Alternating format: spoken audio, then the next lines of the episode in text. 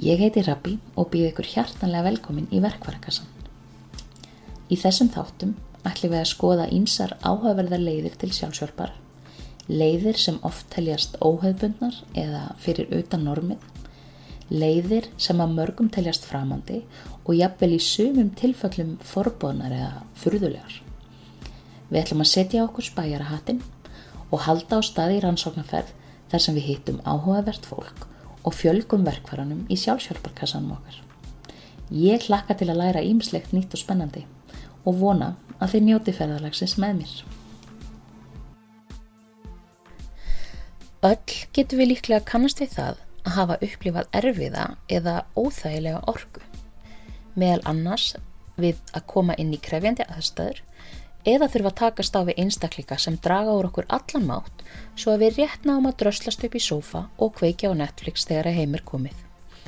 Svo eru það blessaði draugarnir sem oft geta valdi miklum óþægjendum og orði til þess að erfitt er að búa eða reka starfsemi í ákveðnum herbergjum húsa eða húsinu öllu. Margi kannast líklega við að hafa vakna uppi framandi og óþægilega orgu eða nerveru og fylst óta. En hvað er þetta sem við erum að skinja? Og hvað getum við gert til þess að hjálpa okkur að skilja og vernda okkur betur fyrir þessu? Til að fá svör við þessum spurningum og mörgum fleiri eins og áður, leitaði ég til hennar Ölmur Hannar englareiki mistara og miðils. Í þessum fróðlega písli sínum talar Alma um verndarengla, drega, drauga, umbreytingu orgu, bænina og margt, margt fleira ásamt því að kenna okkur ímsar aðferðir til að takast á við erfiða orgu. Við skulum heyra í ölmu. Góðan daginn. Almarun heiti ég og er englareiki mistari. Allir með ekki segja andlegu leiðbennandi líka um, og miðill og ímislegt fleira sem ég bralla. Í dag ætla ég að tala um andlega vernd og hvað það er? Jú, þegar við förum að finna fyrir alls konar orku í kringum okkur, góðri og ekki eins góðri, þá getur okkur liðið óþægilega og við jafnvel orðið hrætt við það sem við erum að skinja. Það er svo misjamt hversu næm við erum fyrir orkunni í kringum okkur og því skinja ég mögulega allt annað en þú. Og því er svo mikilvægt að læra að þekkja sjálfan sig þegar kemur að skinjun. Börn skinni oft svo mikið meira en við því að öll þeirra skinnjun, ekki bara þessi fimm skilningavit sem við þekkjum flest og notum daglega, er gal opinn og því skinnja þau svo oft miklu meira en við. Þau geta til dæmis séð látna ættingja, alfa, huldufólk eða aðra verur. Svo lokast oft fyrir þessa skinnjun en hún á það til að opnast aftur á fullorðinsárum en auðvitað eru sumi sem halda allir sinni skinnjun alla æfi. Öll þekki við sögur af draugagangi í húsum, jafnvel ásóknum og finnum jafnvel hvernig það að fara á ákveðna staði eða hitta ákveði fólk getur verið óþægilegt og veldur stundum óta. Ég ólst til dæmis upp í húsi þar sem mér fannst alltaf einhver vera fyrir aftan mig og elda mig hvert sem ég fór og margir hafa orðið varir við eitthvað í því húsi. En það er einmitt af því að við skinnjum meira en hægt er að sjá og snerta. En hvað eigum við að gera við skinnjunina og hvernig eigum við að hafa stjórn á henni? Til þessi fjöldi leiða og það að ræða um hversu dásamlega gott er að hafa þessi skinnjun á því ósýnilega bara í daglega lífinu er efni í marga pistla en það sem ég mæli sérstaklega með er að ebla skinnjunina til að trista innsæginu betur. En svo er það þessi óþægilega skinnjun og orka og varðandi hana þá er líklega mikilvægast að átt okkur á því að við þurfum ekki vera hrætt við það sem við skinnjum. Ef við lærum að hafa stjórn á því sem kemst að okkur og um það ætla ég að fjalla hér. Öll fæðumst við með vendarengil með okkur sem hefur það hlutverka aðstóða okkur í lífinu en eins og með aðrar englaverur þá hafa þeir ekki sjálfstæðan vilja og geta ekki aðstóðað okkur nema við byggjum um. Nema kannski undatekningatilföllum þar sem við mögulega lendum í lífsáska og okkar tími er ekki komin. Vendarengillin er til staðar fyrir okkur til að hjálpa okkur með hvaða verkefni sem við stöndum frammefyrir. Allt frá því að finna bílastæði og hjálpa okkur við að muna hluti, leiðbin okkur eða venda. Að tengjast vendanenglinum er mjög dýrmætt, en við þurfum svo sem ekki mikla eða djúpa vinnu til að fá hann til að aðstóða okkur. Það er nóg að byggja um vernd og aðstóð og treysta á að það gerist. Við þurfum ekki að finna fyrir englinum okkar til að fá hann til að vinna fyrir okkur, en hann getur veitt okkur sterka og mikla vend í hvaða aðstæðum sem er ef við byggjum. Það þarf ekki miklar og floknar serimóniur til að tala við engla. Heldur er einfallega hægt að segja, elsku vendarengili minn, takk fyrir að veita mér vend í dag. Og við gætum vilja bæta við og takk fyrir að hjálpa mér með verkefni dagsins á besta hátt fyrir mig og svo er þetta byggjum hvað annað sem er. En englarnir eru ekki eina leiðin til vendar, það er að venda sig með mörgum hætti, til dæmis að hjúpa sig með lit og orgu. Til dæmis með því að sjá fyrir þér ljóskúlu, píramíta eða hvaða annað form í kringum þig og í hvaða lit sem er. Þú getur líka beðið alheimsljós eða umvefja þig. Þá ímyndaru þér ljóskistla koma af himnum og beint yfir þig og jafnvel í gegnum líkamann og í kringum þig. Því það er alltaf mikilvægt að við gefum okkur rými fyrir okkar orkulíkama og sjáum fyrir okkur verndina okkar til dæmis meter tvo eða þrjá út frá okkur því að við viljum ekki orku annara alveg upp í andlitið okkar. Það er þó eitt eða tvent sem ég hef ekki minnst á ennþá og skiptir mjög miklu máli áður en þú ferð að loka þig inn í vendarhjúpnu þínum og það er að reynsa fyrst. Það er nefnilega gríðarlega mikilvægt að passa að reynsa í burtu alla orku sem ekki á heima í þínu orkusviði og heimilinu þínu áður en þú ferð að pakka þér inn í hjúpin þinn því þú vilt ekki loka neitt inn í honum sem ekki á þar heima. Til að reynsa orkuna, bæði okkur og orkusviðið okkar eða áruna og heimilið er hægt að nota nokkurar mismunandi aðferðir. Mér þykir mjög gott að kalla á Mikael Erkiengil og englana sem með honum vinna til að reynsa. Og það er eins einfalt og ég myndist á áðan. Þú getur til dæmis sagt Takk Mikael Erkiengil fyrir að reynsa og umbreyta allri læri orgu hjá mér og í árunum minni. Og takk fyrir að reynsa heimili mitt líka. Það má nefnilega segja að við byggjum englana um að umbreyta orgunni því eins og Einstein sagði þá verður orgu jú aldrei eitt, bara umbreytt í annað form og það er það sem við erum að gera. En mínar uppáholdsverur til að kalla á við hreinsun og umbreytingu orgu eru drekar. Drekar eru eina dýrið í kynvesku stjórnusbygginni sem ekkir til á jörðinni í dag og mér þykir það áhugavert og hef oft velt fyrir mér hvort drekarnir hafi verið sínilegri okkur og öðrum tíma í jörsugunni.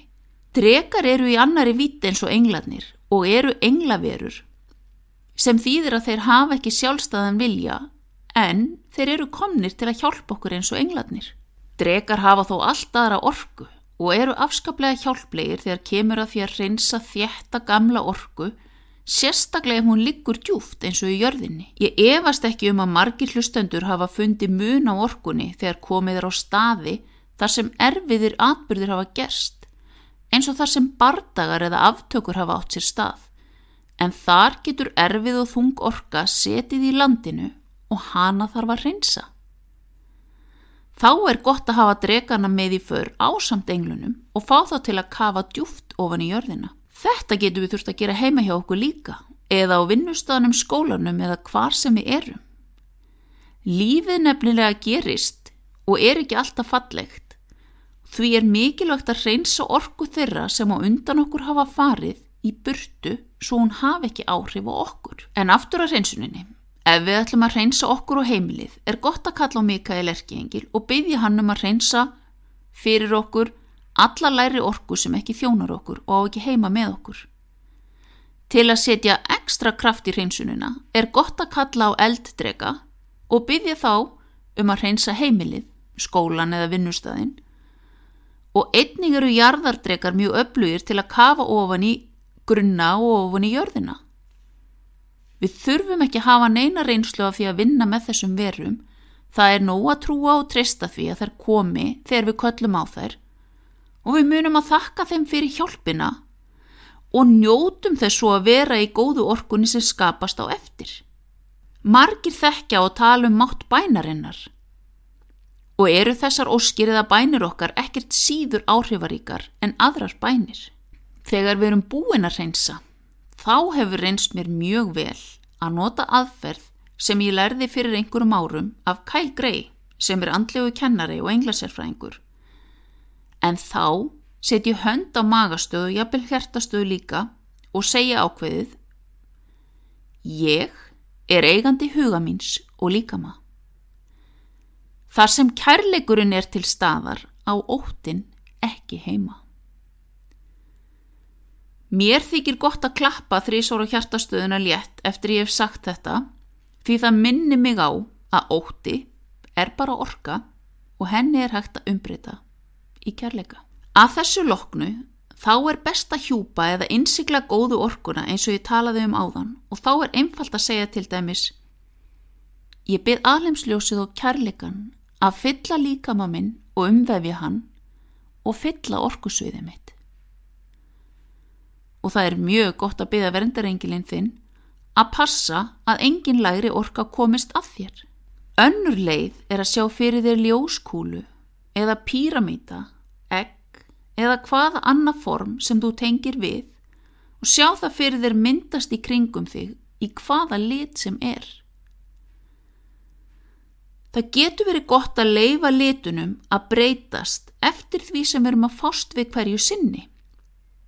Til dæmis notaði ég óspart rauðan ljósjúp þegar ég var að fara á erfið að fundi í mínum fyrirstörfum og þurfti kraft og öryggi til að takast á við hlutina. Það er áhugavert að prófa mismunandi liti og skinja hvaða orku og upplifun þeir gefa þér Því öll höfum við mismunandi skinnjun á litum eins og orgu og eins og með alla aðra andlega vinnu þá er gott að punkta hjá sér tilfinninguna sem kemur. En til að finna fyrir góðu öryggi í dag er nöðsynlegt að hjartingja sér líka og til þess eru margar leiðir. Einn þeirra er að sjá fyrir þér rætur myndast frá fótum og fara djúft niður í jörðina eins og rætur á tré. Svo er líka hægt að tengja við jarðarstjörnuna sem er orkustöðundir iljunum okkar. En í þessu, eins og öðru, er mikilvægt að finna sína leið, eitthvað sem þér líður vel með. Að ganga berfættur úti hjálpar alltaf, að snerta eða faðma tre og finna fyrir náttúrunni. Það eru allt leiðir til að jartengja okkur og tengjast móður jörð, en hún gefur okkur ofbáslega mikið öryggi með sinni orku. Til að taka saman það sem fram hefur komið þá eru skrefin þessi. Númer 1 og eiginlega númer 1, 2 og 3 byrja alltaf á að reynsa. Kalla inn Mikael Erki Engil, jafnvel kalla inn drega, eldrega, jarðardrega. Númer 2 staðhafingin um kærleikan. Og númer 3 hjúpa finna þá leið sem hendar þér best að vernda þig, að innsikla góðu orkuna sem þú ert búin að kalla til þín og ekki gleima að hjartengja þig. Svo virkar að tala við vendarengilin og byggja um aðstóð, svo endilega nýta alla þá hjálp sem hægt er að fá. Aðlokum, þá vil ég minnast á að ef þessar aðferði duga ekki, þá getur verið gott að hafa samband við meðferðaræðila sem getur skoða með þér hvað er í gangi. Það er alltaf möguleiki á að sáli reyni að ná sambandi við okkur eða það sem við köllum draugagang í dagljóðu tali og þá þarf að hjálpa þeim sálum að komast í ljósið. Svo ekki hika við að leita aðstóðar því að það er algjör óþarfi að búa við óþægilega orgu í kringum sig. Ég vona svo innilega að þetta hefur verið fróðlegt og hjálpi til og þakka kærlega fyrir mig í dag. Við lifum á fordamalösum tímum og erum öll orðin þreytt og langaðið eftir því að samfélagi komist í sitt fyrra horf. Ég eins og flest allir aðrir hef þurft að snúa öllum mínum plönum á kolf og fullnýta sköpunagáfu og ímyndunarall til að láta hlutina ganga upp. Eitthvað segir mér að samfélagi muni aldrei verða alveg eins og það var, en það er ekki endilega slæmi hlutur. Er ekki alltaf gott að endur skoða endur meta raunveruleikan, bæði sem manneskjur og sem samfélag. Þetta er allavega góður tími til að skoða það sem er að trubla okkur, hvað svo sem það er og umbreyta því eitthvað gott og jákvægt fyrir okkur sjálf og alla í kringum okkur. Ég vona að þessi umfjöllun hafi á einhvern nátt hjálpað einhverjum og held ótröð áfram að fjalla um heildrana meðferðir og andleg mál. Ég þarf kannski að gera það aðeins öðruvísi en ég ætlaði fyrstum sinn, sérstaklega þar sem meðferðaræðilar með ekki taka mótu fólki, en það er alltaf leið. Endilega láttu mig vita ef þú hefur einhverjar hugmyndur af áhugaverðu fólki til að tala við eða ef þig langur að forvitast meira um eitthvað þessu tengt. Ég vona að þið hafið það sem allra best og haldi vel utan um hvort annað í gegnum þennan krefjandi tíma. Ég heiti Rappi, takk fyrir að hlusta og ég hlakka til að vera með ykkur næst.